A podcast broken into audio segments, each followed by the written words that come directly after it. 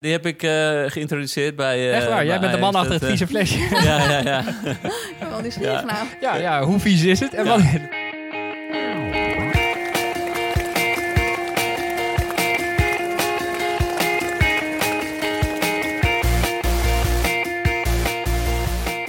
Welkom bij de 30ste aflevering van Suzy Q&A, de podcast over hardlopen, training en wedstrijden. Ik ben Olivier Heimel, hoofdredacteur van Runners World. En naast mij, hier in Hartje Hilversum-Zuid, denk ik, eh, zit Suzanne Crummins, de nummer 7 op de wereld op de 10.000 meter. En sportvoedingsdeskundige Peter S. Peter, zeg ik het zo goed? Sportvoedingsdeskundige? Eh, officieel sportvoedingskundige. Oké, oh, dat des heb ik er gewoon eh, bij verzonnen. Ja. Heel goed. Eerst even naar jou, Suzanne. Want als er geen virus of tornado tussenkomt, start jij 7 maart op de New York Half. Ja, 15 maart. Echt Oh. leuk. ja, ik, ja, ik kijk ernaar uit. Het is, ik wilde natuurlijk nog een halve marathon lopen. En ik was er een beetje geheimzinnig over welke het was. Omdat ze dan officieel een announcement doen vanuit New York Roadrunners. Eh, en toen eh, was hij uiteindelijk... eh, nou, is het nu alweer bijna twee weken geleden dat ze het vertelden.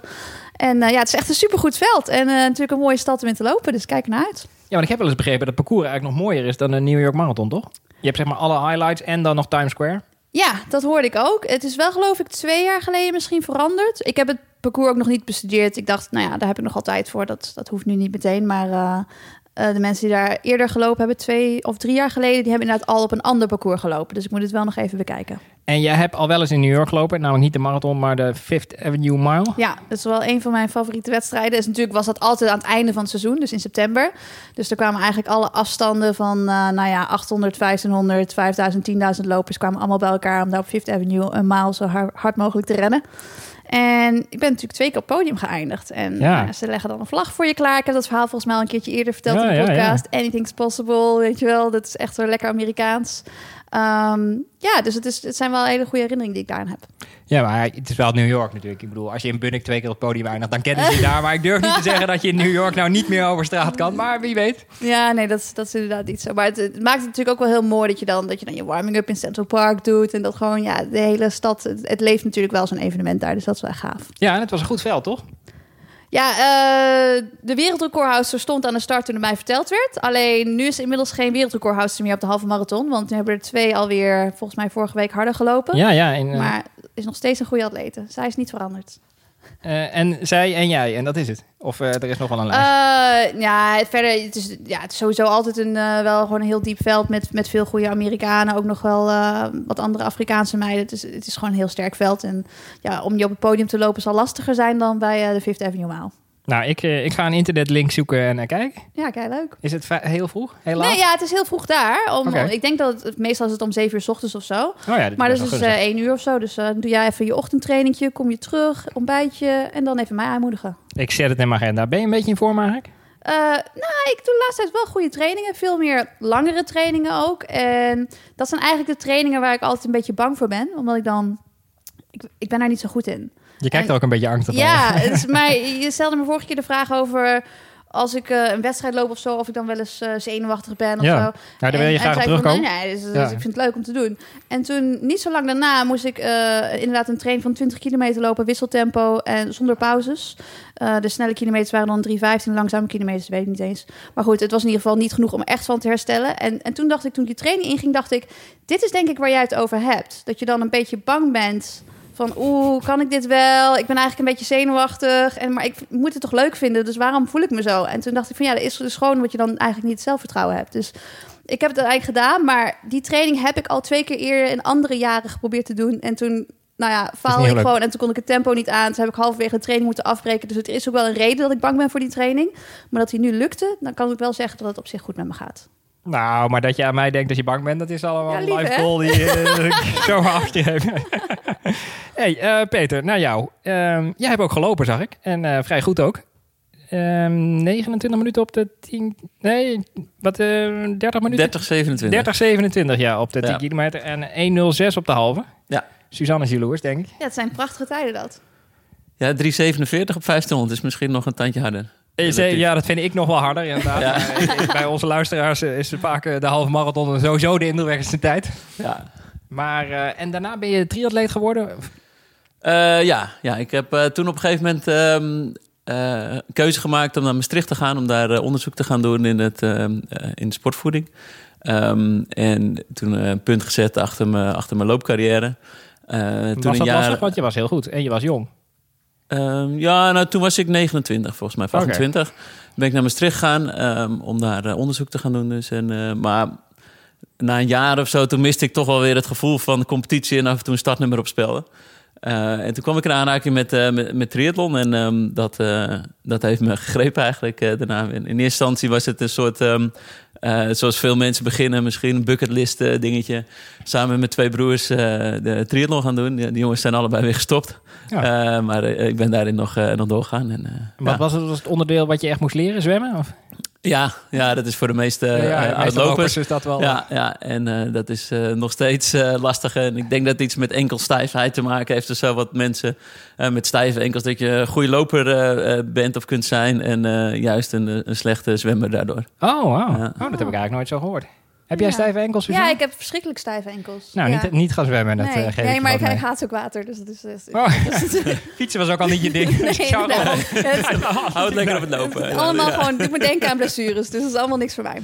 Hey, en dat onderzoek, daar was je kennelijk heel goed in. Want eh, daar heb je al heel snel werk in gevonden bij niet de, de slechtste werkgevers. Ik zag de Raboploeg, de, de wielenploeg. Eh, ja, dat was eigenlijk al zelfs voor dat onderzoek. Oh. Eh, maar want, ehm, eh, ja, dus ik heb Rabobank gedaan, onderzoek gedaan in, in Maastricht. Toen zes jaar Ajax ehm, en vorig jaar de overstap gemaakt naar het Olympisch team. Wauw. En is dat, eh, zeg maar, is het Olympisch team nog hoger dan Ajax? Want in mijn hoofd is Ajax het aller, allerhoogste. Maar... Goh, ja, eh, het vooral anders. ja. En eh, ik heb nu heel verschillende sporten onder mijn. Dus dat, dat, dat maakt wel weer dat het ook voor mij echt wel weer een uitdaging is om al die verschillende regels en verschillende sporten en verschillende fysiologie wat er aan ten grondslag ligt. Eh, maar ook de verschillende culturen in de verschillende sporten. eh, om dat eh, te gaan, te gaan begrijpen en, en mensen ook goed te gaan helpen. Ehm, dus ik denk wel dat ik nu in het laatste jaar een stuk meer weer geleerd heb en mezelf uitgedaagd heb. dan al- had ik nog een zevende jaar Ajax gedaan, bij wijze spreken. Ja, hoewel ik het vooroordeel heb, en ik ben een enorme Ajax-fan, dus ik denk daar niks verkeers achter, dat, dat voetballers het soms iets minder serieus nemen, de voeding, dan, dan de gemiddelde topsporter. Of zie ik dat helemaal verkeerd? Is het juist Ehm, Tadic die nee. voortdurend belt met kan ik dit wel eten? Eh, nou, Tadis was net na mij, Oh. maar eh, eh, nee, ja, heel verschillend. En eh, de, de range in het voetbal is wat groter. Sommige, zoals ehm nou ja, zeg, nou, Matthijs de Ligt, Frenkie de Jong, die er wel super mee bezig waren. Eh, en anderen ook helemaal niet. Eh, en dat zie je toch in andere sporten niet. En, nou, dan is het gewoon het gemiddelde ligt, ligt toch wel hoger. Denk je dat eh, in het voetbal dat voetballers er minder snel op worden afgerekend als, eh Als, als, als ze er lopers. minder serieus ja, mee omgaan? Ja, zeker. Ja, Ja, het is nog gewoon een mindere grote factor in, eh, in het presteren. En, eh, Ja.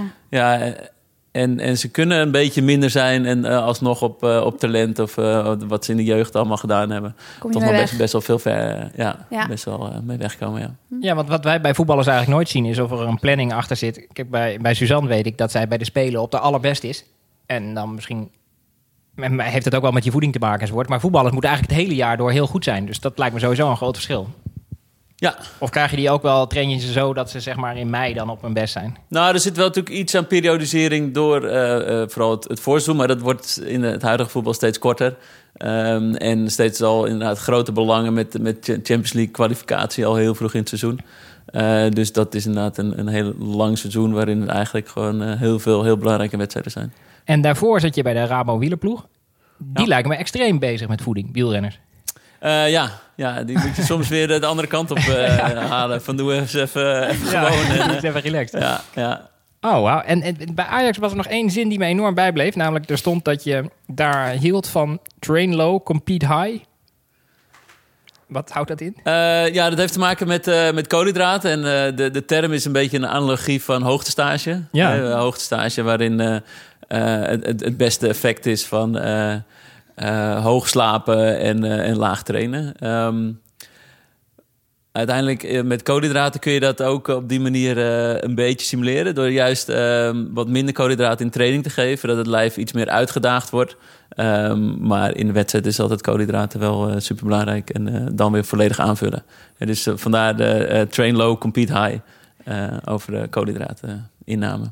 Ja, maar het laatste wat ik over Ajax zou vragen twee weken geleden... en liep eh, Donny van der Beek over het veld met een heel vies flesje, zei hij. wat hij, wat hij aan zijn ploeggenoten gaf. En dat was dan een drankje waardoor je heel snel herstelde. Had jij enig idee wat het was? Iedereen deed er heel mysterieus over. Maar... Ja, ja, die heb ik eh, geïntroduceerd bij... eh, Echt waar, bij jij bent de man achter het Dat, vieze flesje. Ja, ja, ja. Ik ben wel nieuwsgierig nou. ja, ja, hoe vies is het? En Ja, wat is het precies? Dat is eh, niet, niet voor herstel, maar tegen kramp. Oké, Ja. Ehm, en het, ehm, het idee is eh, dat je eh, daardoor ehm, als het ware je zenuwen wat eh, reset. Ehm, en, eh? Wat zeg je? Is het pickle juice? Nou, het is wel op, de- op, de, eh, op de principes van pickle juice. Ja. Alleen het... het dat is dit- augurkensap? Ja. Ja, augurkensap. Ja. Dus het is inderdaad heel vies Sorry, en heel zuur. denk het en dat is, ja, ja. Nee, maar dat, eh, dat klopt. Dat klopt. En, eh, op, maar op die receptoren eh, grijpt het aan. Eh, maar dan eh, met eh Cayennepeper. peper en, oh, eh, dat was mijn tweede, tweede. peper Ja, ja, en- ja. en het is, kaneel. Suzanne Ja. is klaar om voedingsdeskundige te worden. Ja, Ja. En dat werkt echt. vragen. Ehm, nou, wat ik zei, de wetenschap is nog erg dun daarover. En ehm, ja, wij hebben het toen geïntroduceerd met, nou ja, eh, baat het niet, dan schaadt het niet. En eh, ja, eh, eh, Ja. ge- geld was ook natuurlijk niet echt een, een heel grote issue bij Ajax. Eh, dus dat, ehm, dat konden we daarmee wel gewoon verantwoorden. Er is wel iets wetenschap en het lijkt wel ehm, eh, iets te doen. En ook de, wat we terugkregen uit de praktijk was wel dat er, dat er iets in zat. Dus maar het leek wel, leek wel gunstig. En nu bij NOC hou je je bezig met sporters en hun voeding. Zeg, ik het zo goed? Ja. Is het dan, zij komen naar jou en jij zegt dit en dit moet je eten? Of zij hebben al een eetpatroon en je kijkt ernaar en je zegt...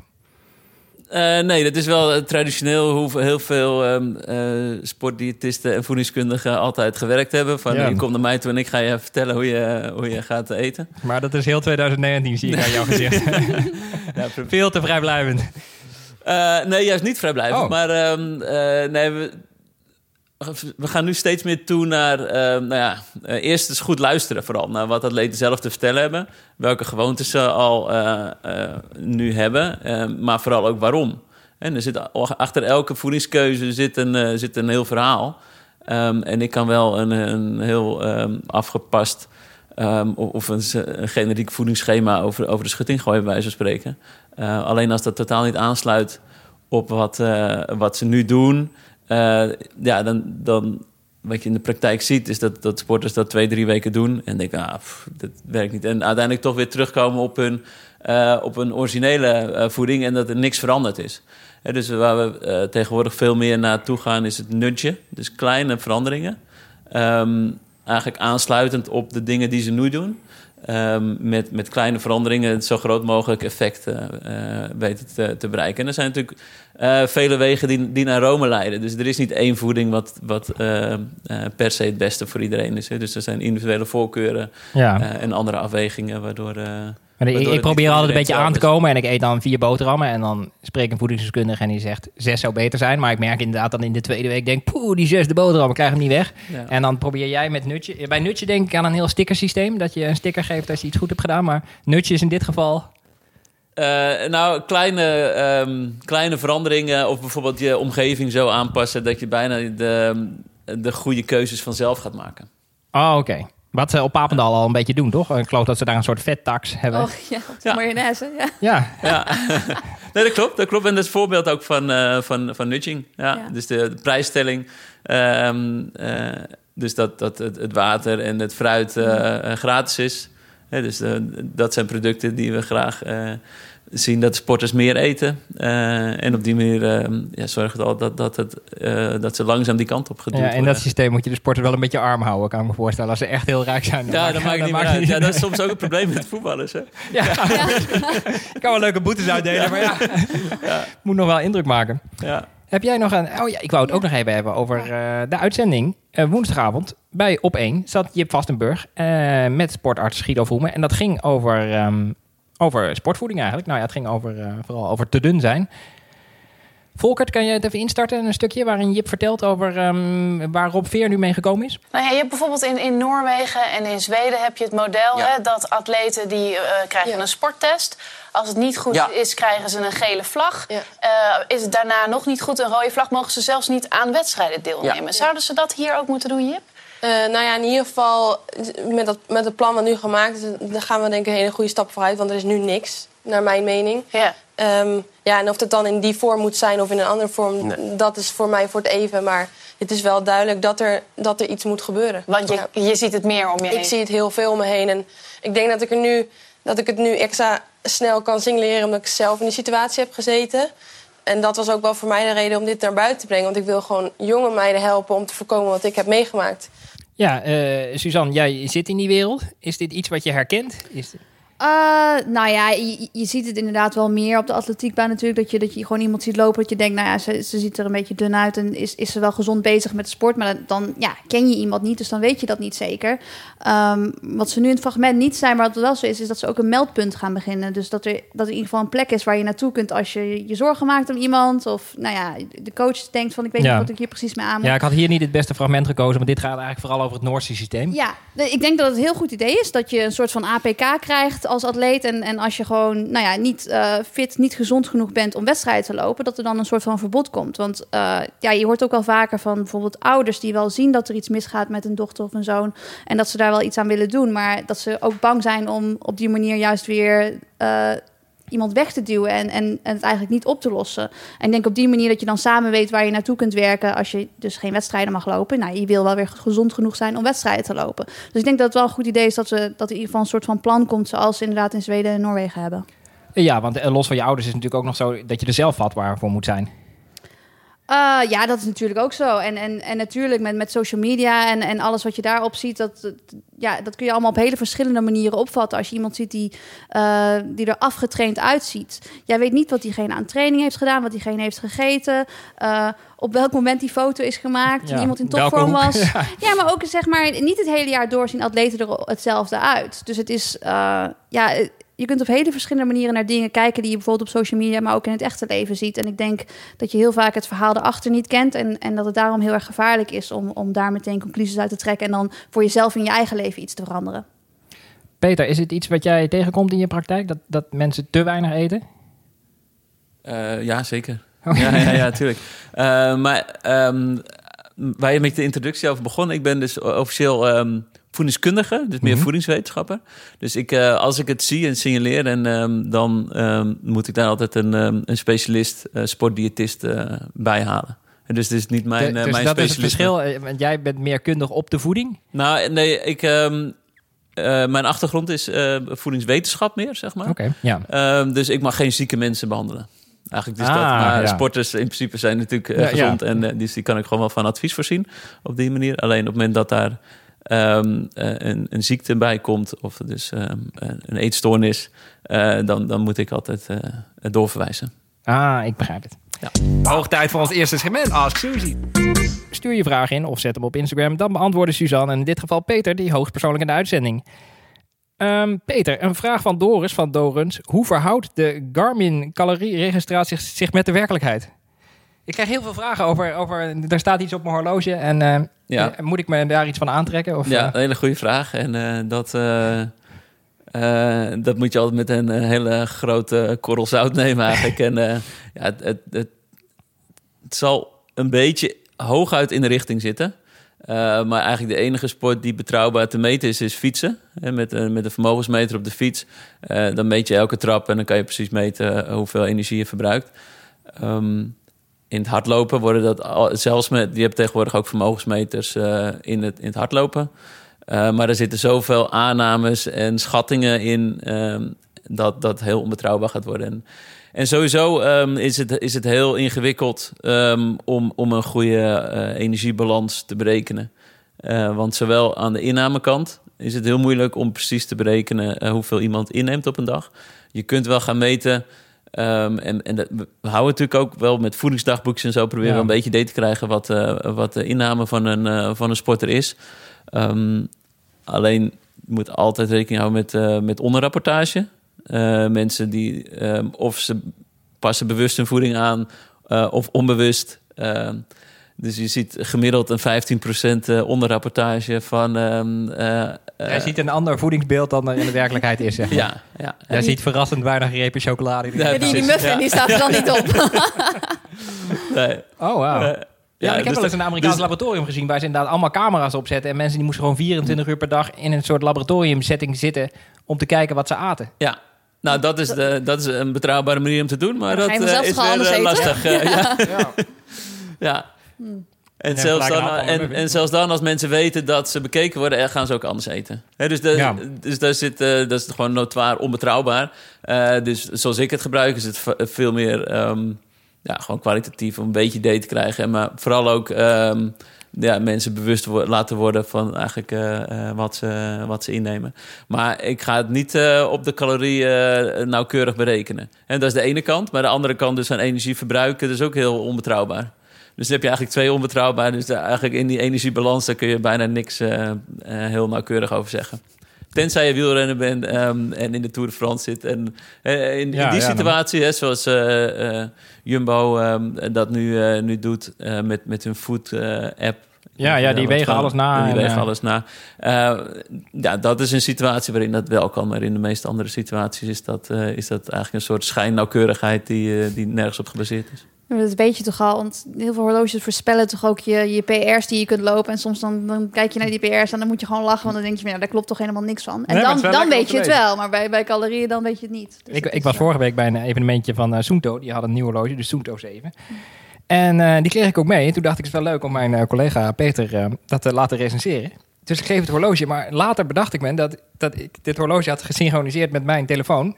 Dus dat al mijn berichtjes, inclusief de foto's nu, op het horloge van mijn collega Peter binnenkomen. Dus iedere keer als ik binnen een straal van 15 meter ben, denk ik, oh jee, daar, daar gaat mijn, mijn, al mijn gegevens. Afijn. Ehm, een vraag van Hedwig van Bree. Die vraagt zich als niet-prof af. Eh, nou, ze zegt, "En soms zie ik door de bomen het bos niet meer. Er wordt zoveel gezegd en geschreven over sport en voeding. Dat, dat voel jij waarschijnlijk ook. Eh, Eh, ja. Zeker als je Ja, in het vakgebied zet, eh, zit. Maar ehm, is er één gouden tip voor mensen die geen voedingskundige hebben? Ehm, nou, niet, niet inhoudelijk, want dat is er juist niet, eh, want Ja. dan was het heel makkelijk geweest. Ehm, maar op, op een niveautje hoger, ehm, gewoon je boerenverstand blijven gebruiken en eh, nadenken van, eh, klopt dit en is dit logisch? Dan ben je vaak al een heel eind. Ja, dat is waar. Hoewel je dan nooit op augurkensap komt, denk ik. Dus, Nee, nee, nee, nee, maar goed, dat is voor een gemiddelde hardloper ook daar niet waar het om draait. En het is een Amerikaanse auteur, Michael Pollan, die heeft wel heel mooi samengevat eigenlijk van eh, wat, is goede voeding. En dat is niet spe- specifiek sportvoeding, maar wel goede voeding van ehm, eh, eat real food. eh, not too much, mostly plants. En eigenlijk heb je daarmee ook wel 90% van, van, van goede voeding al, al te pakken. ja, ja, ik lees ook vaak, je moet eten wat je oma eet. At. Maar ja, dan denk ik, dat verschuift ook natuurlijk. Dat kunnen we niet nog 80 jaar blijven doen. Want, eh, Nee, ja, dat zijn van die stelregels. En oma's. Kijk, en oma had misschien wel eh, nog van die harde margarine ook, weet je wel. Ja. Dus dat, eh, dat is wel in, in dat geval ook weer geen goed, eh, goed idee. Ehm, maar eh, gewoon puur en onbewerkt eten, dat, dat blijft wel een, eh, eh, een goed advies. Ja. je hoort ook wel eens in de supermarkt dat de, dat de verse dingen die staan aan de buitenrand. En de bewerkte dingen staan aan de binnenkant, toch? Dus als je maar een beetje aan de buitenkant van de supermarkt blijft, dan zit je goed. Ja. Nou, ja, de buitenkant van de supermarkt. Ja, ja, ja, Wel in de supermarkt, maar vervolgens aan de buitenkant. Ja, ja nee, maar dat heeft ook weer te maken met, eh, met hoe bewerkt het voedsel is. En, eh, en, en dat is wel heel duidelijk. Eh, De, zeker het ultra bewerkte eh, voedingsmiddelen, die, eh, die zijn, eh, ja, dat geeft minder verzadigd gevoel. En, en je eet er makkelijk te veel van. Ehm, en, en dat is helemaal niet goed voor onze gezondheid. Nee. Want ik ben in tegenstelling tot Suzanne echt een voedingsnitwit. Maar ik denk dan nog, ze zullen die voeding toch wel voor een reden bewerken. Maar dit wordt dan vooral bewerkt om goed, lang, te, lang goed te blijven? Of?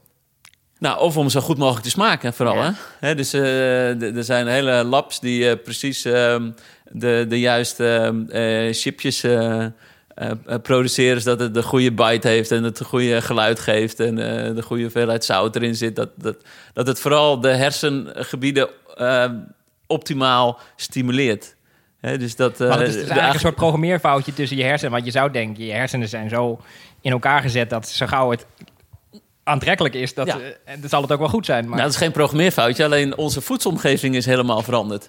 Eh, en eh, in de voedselomgeving, eh, zoals, zoals de mensheid eh, evolutionair ontstaan is, eh, was dat heel nuttig om daarop eh, eh, ja, te, te, om te die ene niet te eten, want die smaakt toch een beetje alsof je...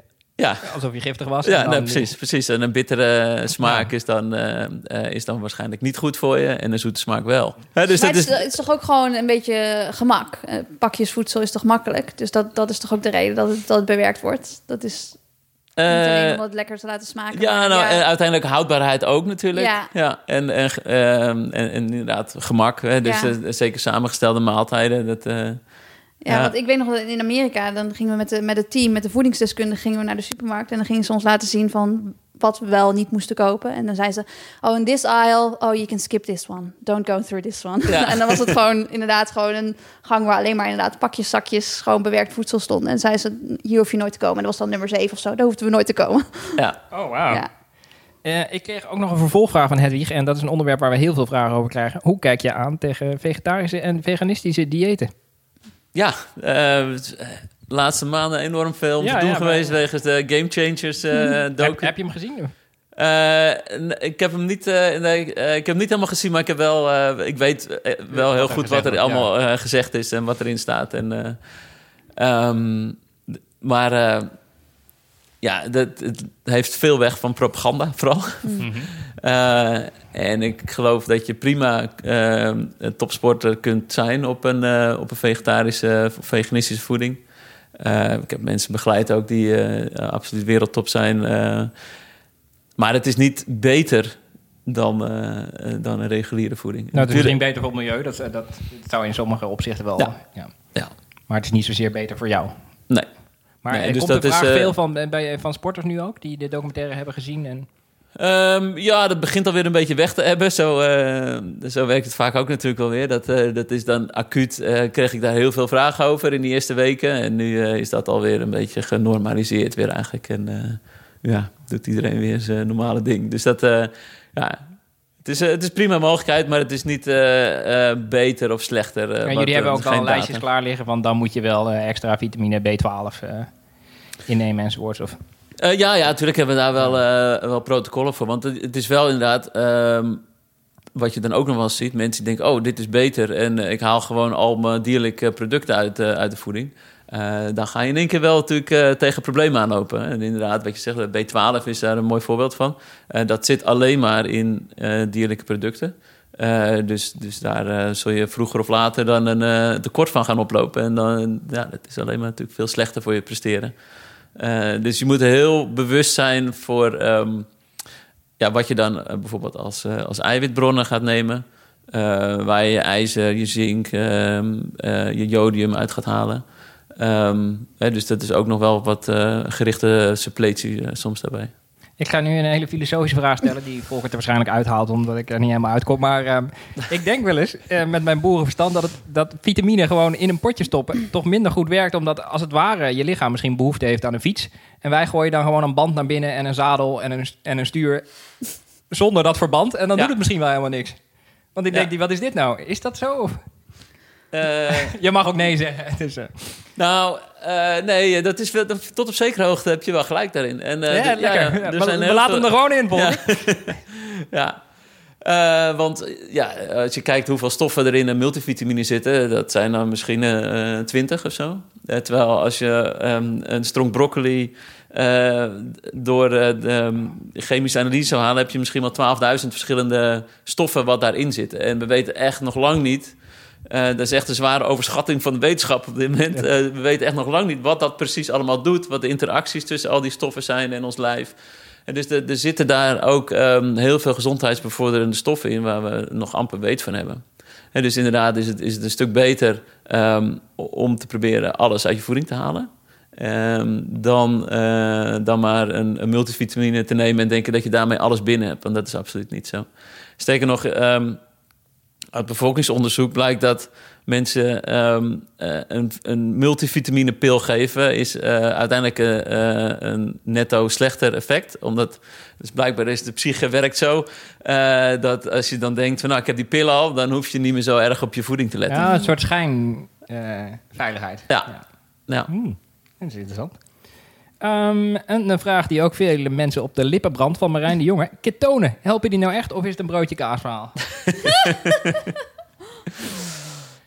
Ja, dankjewel Marijn voor deze eh, vraag. Dat Ja, is, eh, ja. Marijn is een vriend van me. Oh, die weet, eh, die weet Oh, iets ik meer. zo Ik heb meteen het nog een dat er een goed, je. goed verhaal aankomt. Die weet iets meer eh, achtergrond eh, hiervan. Ehm, ja, toen het net een beetje opkwam, ehm, het idee van om, eh, om ketonen in, in de sport te gaan, eh, te gaan gebruiken, dat is eigenlijk niet. Eh, dit jaar was er echt in één keer mega veel eh, Ja, publiciteit over. Ehm, maar een paar jaar terug waren de eerste aanwijzingen daar al dat het, dat het iets kon doen. En ik vind het belangrijk om eh, ook voor mezelf dan te gaan kijken van wat doet het en wat werkt het en wat heeft het voor de, de NS1-studie, maar wat, wat doet het bij mezelf.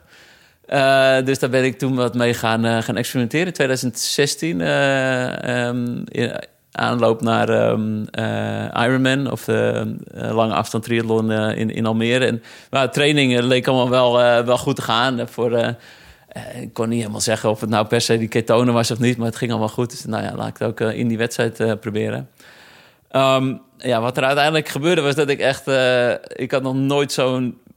eh, nou, ik moet het goed vertellen. Ik, werd eerst misselijk op de fiets. Ehm, ik, ik denk van die ketonen. En uiteindelijk zie je dat ehm, ook eh, onderzoeken eh, dat ook wel bevestigd hebben dat dat ja, een, een heel aantal sporters daar misselijk van wordt, waardoor de prestatie dan ook verslechtert. Eh, dus ik kreeg mijn normale voeding ook niet meer, niet meer weg. En ik kreeg echt een hongerklop de luxe. Oh, Eh, dus eh, ergens op 130 kilometer eh, stond ik trillend bij een, bij een verzorgingspost. En ja, ik dacht, die, die sportdrankjes, dat gaat niet meer genoeg zijn. Dus ik heb een vrijwilliger daar gevraagd van, heb je ook nog wat te eten? Of, toen heeft, heeft zo'n vrijwilligste daar de, de lunchpakketje beschikbaar gesteld. En Ah. toen heb ik daar een broodje kaas gegeten. Of ham eigenlijk, want hij stelt het niet goed. Oh. Ja, dus dat is het verhaal daarachter. Maar een broodje ham, was dat wel een goede afloop uiteindelijk? Nee, nee, het was Toch niet? Nee, Dat, dat raad je toch niet aan voor het leven Nee, om dat te nee, doen. Nou, nee. jammer. Dat is nee. makkelijk geweest. Ja, en voor de rest nu, eh, zoals het er eh, in de laatste, eh, of sinds die tijd eh, aan, aan onderzoek ook nog geweest is. Er zijn ehm eh, is afgelopen jaar een, een Belgisch onderzoek geweest. ehm, die wat effecten liet zien eh, als je eh, studenten drie weken uitperste alsof ze eh, een, grote ronde aan het, aan het fietsen zijn. Het leek dat ze iets beter ehm, konden blijven eten. Dus die konden meer calorieën per dag binnenkrijgen. En die presteren uiteindelijk in die derde week beter met, met ketonen. Dus daar lijkt iets in te zitten. Voor de rest, voor hardlopers, voor eendaagse evenementen... zie ik op dit moment eigenlijk geen... eh, en zeker voor die kortere afstanden. Kijk, maar voor, voor Ironman... ehm, ja, dan, dan Het is bijna een meerdaagse wedstrijd. ja, het is al bijna onderweg. Dan, dan zou er in theorie ehm, nog meer waarde kunnen zijn. Hè? Maar ook die wetenschap is eigenlijk nog niet, eh, nog niet goed eh, gedaan of uitgevoerd. Eh, dus het is vooral heel veel vragen nog. Eh, en wat mij betreft lijkt het er niet op dat, dat hardlopers daar eh, op dit moment baat bij kunnen hebben. We, we laten ze even links liggen. Ja. Ehm, Een vervolgvraag van Ans Ruiten. Het is niet echt een vervolgvraag, maar ik zie hem nu staan en ik, ik hoor jou praten over misselijkheid. Zij wordt heel snel misselijk van een jelletje. Ehm, en daarom neemt ze soms tijdens het lopen van een lange duurloop of een wedstrijd geen gel meer. Maar daarna voelt ze slap en triller. Een beetje zoals jij bij de verzorgingspost. Hebben jullie tips? Broodje ham dus, hè? Ja. ja. We zijn Hebben eruit. jullie tips? Ja, weet je, ik gebruik zelf niet zoveel jelletjes. Maar, Maar- ik weet toevallig wel dat in Shalane Flanagan's kookboek staat wel de bananenchips. En die maakt ze dan in de oven met eh, kokosolie. En dan zegt ze van dat je die dan mee kunt nemen als je gaat rennen en dan onderweg eten. Ik heb het zelf nog niet uitgeprobeerd, maar je zou dat recept kunnen opzoeken. En dan heb je wel echt voedsel wat je kunt eten. Dus ik weet niet Maar in jij de ervan New. York ga je ook niet een jelletje wegslaan? Ah, nou, denk het niet. Kijk, ik, ik neem meestal iets van een jelletje voor de start. Van een 15 kilometer wedstrijd. 10 mijl heb ik gedaan. Ik heb ook wel één halve marathon gedaan. En daarbij had ik niet het idee dat ik aan het einde geen energie meer had. Ik had meer een hele erge zijsteek. Dat was iets anders. Dat was, het was niet het probleem dat ik geen energie had. Dus eh, ja, goed. Misschien neem ik er eentje mee. Ik moet nog even kijken. Ik train er ook niet echt mee. Dus als ik dat wil doen, dan moet ik het wel echt in de training nog proberen. Ik heb ehm, nog een vraag eh, waar ik enige voorkennis vermoed, eh, Peter. De vraag was nog niet echt beantwoord. Ik denk wel Ja. dat jij een antwoord hebt, ja, toch? Ja, ja. ja. Sorry, ja. Ik had wel mijn leuke verhaal over de bananenchips, maar dat is Oh, natuurlijk sorry, niet echt sorry. een antwoord. Nee, ehm, ja, mensen die, die, die hebben een soort van eh, magisch idee bij die jelletjes. Maar het is in essentie natuurlijk ehm, eh, koolhydraten eh, in een iets geconcentreerdere vorm. Maar ook gewoon een sportdrank ehm, eh, bevatten koolhydraten. Hè, dus dat, eh, dat kan je prima, prima vervangen door een, eh, eh, door een sportdrank. Ehm, kijk, het voordeel van gels is dat dat je ze makkelijk mee kunt nemen. ehm, en Ja. eh, dat het iets compacter is. Eh, maar als het puur gaat om die trillerigheid, eh, dat zal een energietekort zijn of, of tekort aan, aan koolhydraten op een gegeven moment als het heel lang duurt. En dat kan prima ook met de reguliere sportdrank opgelost worden. Dus dat is, eh, heb je niet eh, per se gels voor nodig. Nee, ik ben blij dat er inderdaad ook nog een serieus antwoord op deze vraag is. Ja, inderdaad. Dank, eh, Berde. Eh, Pimmy Veldhuis vraagt... Hoe kan het dat je soms eh, korte wedstrijden het beste met een kater kan lopen? Heb je daar ervaring mee? ik stel hem maar ik gewoon. weet niet eh, die helemaal waar alcoholsuikers, het team op, eh, op doelt hierbij, maar... ehm, ik, Ik- ja, ik Oké. durf het niet eh, helemaal goed, eh, eh, goed te zeggen. Maar ehm, het, ja, maar hoe is het eigenlijk met alcohol? Ik bedoel, Is eh, er ook energie, alcohol, suikers? Nee? Ja, verbied jij het- bijvoorbeeld ja, het, voetballers is wel energie, maar dat is niet, Niet eh, niet zo handige energie. Nee, nee, daar kun je niet eh, heel hard op lopen. Maar heb je wel eens een voetballer champagne zien drinken op een moment dat je dacht... nou, en je moet nog eh, wel kampioen worden over drie dagen? Of, eh, of speelt het helemaal niet? Eh, dat was best wel oké, ja. Oké. Ja. Was met kampioensfeest. eh, ja, ja, ja, precies. Soms, ja. soms winnen ze dan de beker en dan denk je... ja, ja maar ja, er zijn nog meer eh, bekers dit jaar. Ja, ja. Nee, dat, eh of ze konden het goed voor mij verbergen. Want dat, Maar alcoholgebruik, hoe is het? ik bedoel, raad jij sporters helemaal af om alcohol te gebruiken? Of, nou, dat is eigenlijk een beetje hetzelfde principe als, ehm, als met voeding in zijn algemeenheid. Doe wat je lange termijn goed vol kan houden. En dat is, eh, als het af en toe een biertje of wijntje is, dat is, eh, dat is prima. Maar ja, natuurlijk niet eh, in aanloop of zeker niet de avond voor een belangrijke wedstrijd. Ja. Ehm, een vraag van Doreen. Wat ik vooraf moet doen qua eten van een, bij een half marathon, weet ik goed. Maar wat is het beste herstel voor op de dag en de dag na zo'n inspanning? Eh, ja, dat hangt er vanaf dus of het, eh, of het belangrijk is om te herstellen. Eh, dat, nou ja, dat is natuurlijk altijd wel een beetje. Ik bedoel, stel ik kom me uitgepierd na een half marathon over de finish. Wat is het eerste wat ik dan moet doen? Eiwitten, koolhydraten, niks? Ehm, eiwitten zal prioriteit hebben. Ehm, maar goed, je zal ook vocht en, en koolhydraten uiteindelijk weer moeten aanvullen. Alleen als jij, ehm, als dit een belangrijke wedstrijd is en, en het duurt daarna weer, het, eh, ja, je hebt toch wel even rust. En dan zal ehm, een paar dagen later die koolhydraten toch alweer op peil zijn met de dingen die je in de tussentijd hebt gegeten. Dus ik zou, ik zou beginnen met, eh, met eiwitten. Ehm, eh, om, zeker in het hardlopen natuurlijk heb je spierschade. En Ja. dat, dat, wil- dat wil je herstellen. En dat, Hoewel je zelfs met eiwitten niet kan voorkomen dat je de dag na de marathon andersom de trap afloopt en zo, toch? nee, nee. Oké. nee dus daar Heeft is, het er- over een is- marathon of een halve? is Over een halve, ja. Over geen een halve, enkele ja. voeding dat, eh, dat, Ja. dat kan, eh, kan helpen. Nee, dat, eh, Want ik kreeg natuurlijk veel vragen over, eh, of wij kregen natuurlijk veel vragen over eiwitten. Eh, een vraag van Jan Verhulst onder meer. Wat denken jullie over eiwitshakes en hersteldranken na de training? Is dat echt beter of volstaat een, een goede beker chocolademelk? eh, goede beker chocolademelk volstaat. Ja. Oh, Ja, dat, ehm, het voordeel van, ehm, eh, van shakes is dat je het makkelijker in je, in je tas kan meenemen. En dat, dat je het even ter plekke eh, eh, gelijk de goede eh, voedingsstoffen hebt. Ehm, maar een, een maaltijd waar genoeg eiwit in zit, is net zo goed als een, als een herstelshake. oké. Ehm, een andere vraag van Jan, die eh, kennelijk een eh, gezond wantrouwen koestert en terecht.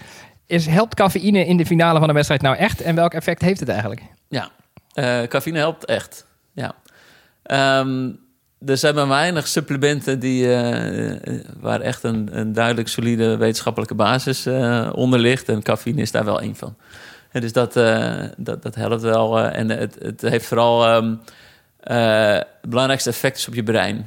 Dus op ehm, eigenlijk, ja, ik denk dat we het allemaal herkennen als je wedstrijd doet. En dat het brein een soort van, oh, stop, eh, gaat roepen Ja. op een gegeven moment. En eh, dat is, eh, ehm, ja, hoe beter je bent om dat te overroelen en daar een soort motivatie in te houden. cafeïne kan je daarbij ondersteunen. Dus die brult daar overheen. Of die zorgt dat je minder hard stop brult. Hoe moet ik me ja, dat iets voorstellen? minder hard stoproept. Ja. Oké. Is dat eh, iets, gebruik jij cafeïne? Ja, je Ja. drinkt heel veel koffie. Voor, ja, voor iedere wedstrijd. Nee, ik drink geen koffie voor de wedstrijd. Ja, heel gek. Ik neem Ja. gewoon eh cafeïnepillen dan. Dus dan heb, ik- kan ik het ook beter doseren. Dus, Want er zit wel een soort eh, limiet aan, toch? Eh, doping, nou, je mag op- volgens mij zit hij er niet meer aan. Maar die limiet die ze ooit hadden, dat was ook iets... Nou ja, volgens mij kon je daar niet eens goed beter bij Ja. presteren. Dat was, dat was zo gigantisch hoog. Zo was je 2003 er maar trillerig van. 2004. Oh, oké. Ja. Ja. Ja. dus dat is losgelaten en Ja. eh, ze monitoren het nog wel. Ja, Eh, maar je kunt gewoon cafeïne nemen. En inderdaad was die limiet eh, was, eh, heel hoog. Ja, dus ik, ik gebruik iets van eh 200 milligram. En als ik, dat, als ik te veel zou nemen, dan zou ik ook helemaal niet lekker aan de start staan. Dus dat is, heeft helemaal geen zin. Maar je bent normaal al vrij aan. Stel ik je, voorzichtig vind je dat? vast. Ja, maar ik heb, jij ziet mij ook altijd met cafeïne. Dus dat is wel... jij hebt mij Heb nog nooit zonder cafeïne gezien. Ja, maar minuten voor de start, maar ben je dan nog aner? Ben ik dan nog aner? Eh, dan ben ik wel aner, ja. Dan ben ik zeker wel aner. Ik weet niet of ik dan heel veel verhalen heb, maar ik ben dan wel ben mam, wakker en dan heb ik er zin in. Ja, ja. Heel goed. Ehm, even de laatste vraag. Ik heb er heel veel gekregen, mensen. Ik kan ze niet allemaal laten beantwoorden. Ehm, maar een vraag van oud dreamteamer Joris Knopen. Op een enorme bak havermout kan ik meteen weglopen. Maar als ik ook maar een halve boterham eet, moet ik echt een uur of meer wachten. Hoe komt dat? Is dat iets heel ja, persoonlijks? Ik, ik had hem gelezen, maar ja, Ja. ik denk dat het is iets persoonlijks. Ja, ik kan niet eh, eh, uit de inhoud of voedingswaarde van, eh, van brood tegenover havermout zeggen dat de een beter of slechter is dan de ander. En altijd, Dus dat- eh, want ik heb dat wel vaker verteld, maar Vol- Volkert vraagt hier altijd eh, eh, als technische check aan het begin, eh, maar hè, wat heb je ontbeten? en iedereen zegt dan altijd havermout, havermout, havermout. Niet. Klopt dat gedweep met havermout? Of, of zeg je, ja, havermout, je kan net zo goed een appel nemen. Nou. Nou, het is een goede basis. En, eh, en in zijn algemeenheid denk ik dat we in Nederland heel veel tarwe eten. Eh, dus dit is eh, goed om eh, even iets anders te eten. Want natuurlijk, eh, gevarieerd eten is in principe een goed uitgangspunt. Ehm, en het heeft net iets andere samenstelling, iets andere eh, voedingswaarde weer dan, dan, dan tarwe. Eh, dus nog meer brood eten, eh, ja, dan zou ik toch adviseren om eh havermout te eten. En het lijkt ook dat mensen er wel goed vol van zitten. En, en dat Ja, het ze zijn langer altijd wel duurt heel succesvol, de havermouteters. Ja. moet, ik, je- moet ik je... ja. ja, dus ik denk dat het een goede gewoonte is, ja. ja. Doe het zelf ook. Oh, kijk. ja, daar hebben we er weer een. Jij ook, toch? Ja, ik heb vanochtend ook weer een havermoutje op. Maar ik vind het dus... Ja, ik doe het niet iedere dag, hoor. Ik ben niet zo'n hele... Ik Maar ben je niet zo'n of zullen we maar zeggen. Dat Ah, is, eh, nee, ja, ik, ik- omdat het ook wel oké is... en inderdaad ook voor de variatie... dat ik niet alleen maar brood aan het eten ben... maar ik zou veel liever gewoon alleen maar brood eten. Oh, op die manier. Mhm. Nou, ik ga er ook aan beginnen. Ik, eh, ik heb nog een vraag namens mezelf. Ik ben zelf namelijk gek op dat eh, Morten, de eh, sportdrank. En ook jelletjes tegenwoordig. Alleen er hoort natuurlijk een heel verhaal bij dat het mijn darmwand overslaat enzovoort. Klopt dat verhaal ook? Of is het gewoon eh, lekker en eh, word ik er blij van, dus moet ik het vooral blijven gebruiken? Eh, nou, het klopt niet dat het je darmwand overslaat. Dat zou heel gek zijn als dat zou kunnen. Maar Dan is het opeens buiten mijn lichaam. Ja. ja, nee, maar het is, de sportdrank zit, zit sowieso qua basis goed in elkaar. Hè. Dat zijn eigenlijk twee belangrijke eh, dingen die sowieso in elke sportdrank zouden moeten zitten als je veel koolhydraten wil binnenkrijgen. Dat is uh, maltodextrine en fructose in En zijn dat ingewikkelde woorden voor, eh, zeg maar... ja, bepaalde, bepaalde eh, soorten koolhydraten zijn dat. Die, eh, die, die dus wel op verschillende manieren ook door je darmwand worden opgenomen. Dus de combinatie daarvan is, ehm, is belangrijk. Ehm, waar Martin dan ehm, als een soort unique selling point eh, eh, wegzet, is, is dat het ehm, een soort gel vormt in je maag. Ehm, ja, waardoor het uiteindelijk minder eh, eh, klachten zou ver- veroorzaken. Maar Mhm. ook claimen ze dat het daarmee sneller wordt opgenomen. Ja, ja, dat bedoelde ik met... eh, ja. Ja, ja. En de onderzoeken die daar nu van naar buiten komen, ehm, lijkt dat niet echt te bevestigen. Dus het is, het is prima sportdrank. Ehm, en ik, ik, vind, ik ben het ook met je eens, vind het zelf ook prettig. En hij, hij, eh, hij, hij proeft of smaakt goed en geeft ook weinig, weinig klachten voor de rest. Ehm, Maar een totale de- revolutie de- is het niet. Er zit een, eh, een enorme eh, marketing vooral omheen en eh, een goede hype wat ze creëren. Oké. Hey, ehm, heb je ook een vraag voor Suzanne of voor mij natuurlijk? Mail hem dan naar mijn adres olivier.heimel.hurst.nl En wie weet komt jouw vraag dan wel in onze volgende podcast. Eh, laten we gaan gelijk doorgaan naar het volgende segment. Oh, Toch? oh ja, woord van de week. Ja, Ja, wat is het? je kijkt alsof jij het deze keer... Nee, maar ik ben helemaal vergeten dat we die nog niet hebben gehad.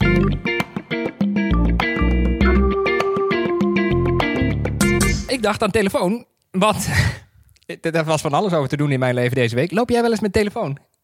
Loop ik met telefoon? Met een telefoon, ja. Eh, ja, eigenlijk eh, altijd. Want dan, ja, ja, er staat gewoon er staan, er staat mijn muziek op, er staat mijn podcast op. Luister ik gewoon naar Suzy Q&A of iets anders. Nee, Even naar mezelf luisteren, dat is helemaal motivatie. grapje. Ehm, nee, maar dan, ja, nee, ik, heb, eh, ik heb een telefoon waar, die ik wel meeneem thuis lopen. Wel mijn oude telefoon, omdat die iets kleiner is. Oh, je hebt twee telefoons. Ja, die oude die heb ik nog en die is kleiner. En die nieuwe die is zo groot en die wil ik niet meenemen. En die oude die past precies in het zakje achter op mijn tijd. Dus dan, eh, dat is veel handiger. Maar zet je je simkaart dan over of kan je niet gebeld worden, zeg maar? Nee, ik kan niet gebeld worden. Ik heb, ik heb niet zo. Ik wil niet. Ik, wil- ik heb geen hulplijn nodig tijdens mijn, tijdens mijn duurloopjes. Dus En, eh, heb jij je telefoon mee? Als je gaat trainen? Nee, doorgaans niet. Nee, Nee. ja, met fietsen wel. eh, natuurlijk omdat Ja. je dan... eh, dat is makkelijker meenemen ook, maar met lopen eigenlijk eh, niet. Dan gaan we ook gewoon het bos in en eh, nergens aan denken. Ik loop ook nooit Ja. muziek. Nee, ik, ik loop dus helemaal nooit met telefoon. Mijn, mijn collega Imo heel soms met telefoon. En dat heb ik ook ooit gemerkt toen, hij, eh, toen bleek hij eh, een soort Pokémon-liefde te hebben opgevangen. Dus toen, toen was ik heel druk in gesprek en toen, eh, toen keek ik opzij van wat vind jij? En toen stond hij 100 meter verderop bijna van een Pikachu te vangen. Maar eh, dat heeft niet heel lang geduurd.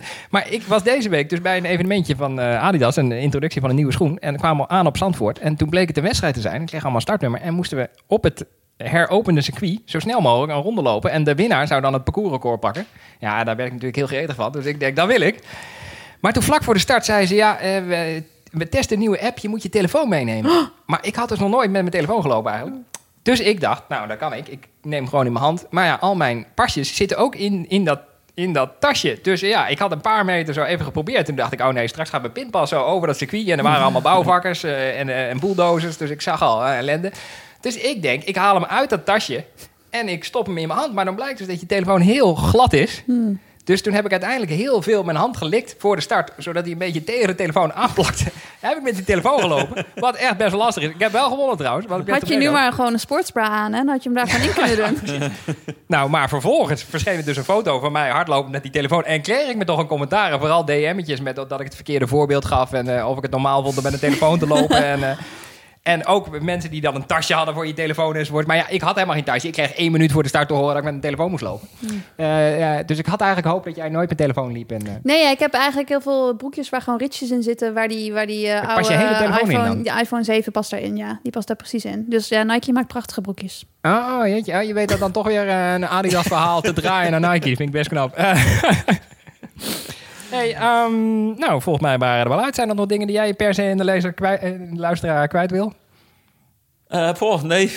nee, ja, nee, ik weet het. Jij? Heb jij nog vragen eigenlijk? Heb ik nog vragen? Eh, nee, maar ik denk voor de podcast hadden we nog wel een interessant gesprek. ge- We hadden het eventjes over eh caseïne-eiwit. En ik denk dat ik krijg heel vaak die vraag wel van mensen van... eh, Caseïne, eiwit? ja, van hoe kan ik beter, beter herstellen? En dan willen ze altijd, de lopers willen nog meer, nog meer eiwitten na het lopen. En op een gegeven moment is het gewoon genoeg natuurlijk. En nou ja, ik heb altijd wel gehoord over eiwitten spreiden over de dag. En dat je s'nachts eigenlijk niet herstelt, omdat je natuurlijk niet eet. Ehm, en aangezien Ja. jij er onderzoek naar gedaan hebt, is het misschien Ja. wel interessant om daar even iets over te vertellen. Wat, wat mensen daarmee kunnen doen. Ja, eh, ja, dat klopt. Eh, ik heb eh, onderzoek gedaan bij, ehm, eh, in, in het lab van Luc van Loon in Maastricht. En we hebben gekeken naar wat het effect is van caseïne-eiwit. En caseïne is, je hebt zeg maar, melkeiwit bestaat voor 20% uit, uit wei en eh 80% uit caseïne. Ehm, en die twee kun je, kun je scheiden. En caseïne zorgt, eh, dat de naam komt van kaas, kaas Ja. maken. En eh, Ehm, dat zijn eh, wat, eh, wat grotere eiwitmoleculen die samen klonteren in de maag. Eigenlijk, waardoor het langzaam wordt opgenomen. En dat is waarom het eh, handig is voor de nacht. Want in principe is het dus beter om een wei-eiwit te nemen... omdat die sneller beschikbaar is. Alleen als je vervolgens acht uur niks gaat eten... dan lijkt het beter om juist een caseïne-eiwit te Want, nemen. want jullie zijn helemaal niet van de lijn dat je gewoon om het uur even wakker moet worden gemaakt. Zoals skier Herman Maier, geloof ik, vroeger. Die werd gewoon voortdurend even wakker om er iets in te stoppen. Eh, nou, dat hoor je ook wel vanuit de bodybuilding-wereld. Ja, maar ja. ik denk dat eh, uiteindelijk slaap eh, ook nog wel heel eh, belangrijk is. Hoor ik Dus, ook eh, goede dingen over, zeker? Ja, ja. Eh, dus Nee, maar je zou eigenlijk- voedingspleister kunnen denken. Eigenlijk om die manier, eh, of ehm, om het effect een beetje te, te simuleren van, van eh, 's s'nachts wakker worden, eh, kun je zo'n caseïne nemen, omdat die dus over de, over de hele nacht nog beschikbaar komt. Dus gewoon een bakje kwark, eigenlijk. Toch? Ja, ja, kwark is dus eigenlijk jonge kaas en dat is Ja. voor het grootste gedeelte caseïne. Eh, dus je kunt een caseïne eh, als, als een, een los poeder kopen, maar ook een bakje kwark voor het slapen gaan. De Eh, kwark eh, is jonge kaas? Ja. Ja, in België noemen ze het toch ook platte kaas? Toch? Ja, Ja. Oh, Wist je het niet? Nee, ik maak een heleboel mentale notities. ja. Wauw. Ja, dus eh daar zit ook relatief meer, eh, meer eiwit in, omdat er al wat, eh, ehm, wat, wat vocht uit ook eh, is, is gehaald. Ehm, dus daarom is het als het ware iets geconcentreerder dan, dan een yoghurt of een melk. Oh. Ja, ik moet hier echt even... Moet even landen. Zeven extra herstellen s'nachts. Ja, Ja, dat ja, dat kun je dus inzetten om nog, eh, zeker als je bijvoorbeeld net zo'n halve marathon hebt gedaan, of het is echt heel belangrijk. ehm, om, maar om maar goed ik zou succesvoller zijn als ik, als ik de avond afsloot met de kwark en begon met havermout. Ehm, nou ja, zeker als je, als je hard traint en, eh, Ja, ja, en, ja. eh, en het gaat om een optimaal herstel, dan zou je beter af zijn, denk ik. Ja. Wauw. Ja, vond ik interessant. Ja, gratis tip. Ehm, nou, en zo zijn we helaas aan het einde gekomen van deze dertigste aflevering van Suzy Q&A. Dank Volkert, onze technicus van Dag en Nacht Media. Dank Peter en Suzanne. En dank u, beste luisteraar, voor het luisteren. Ook namens Suzanne. Blijf luisteren en lopen.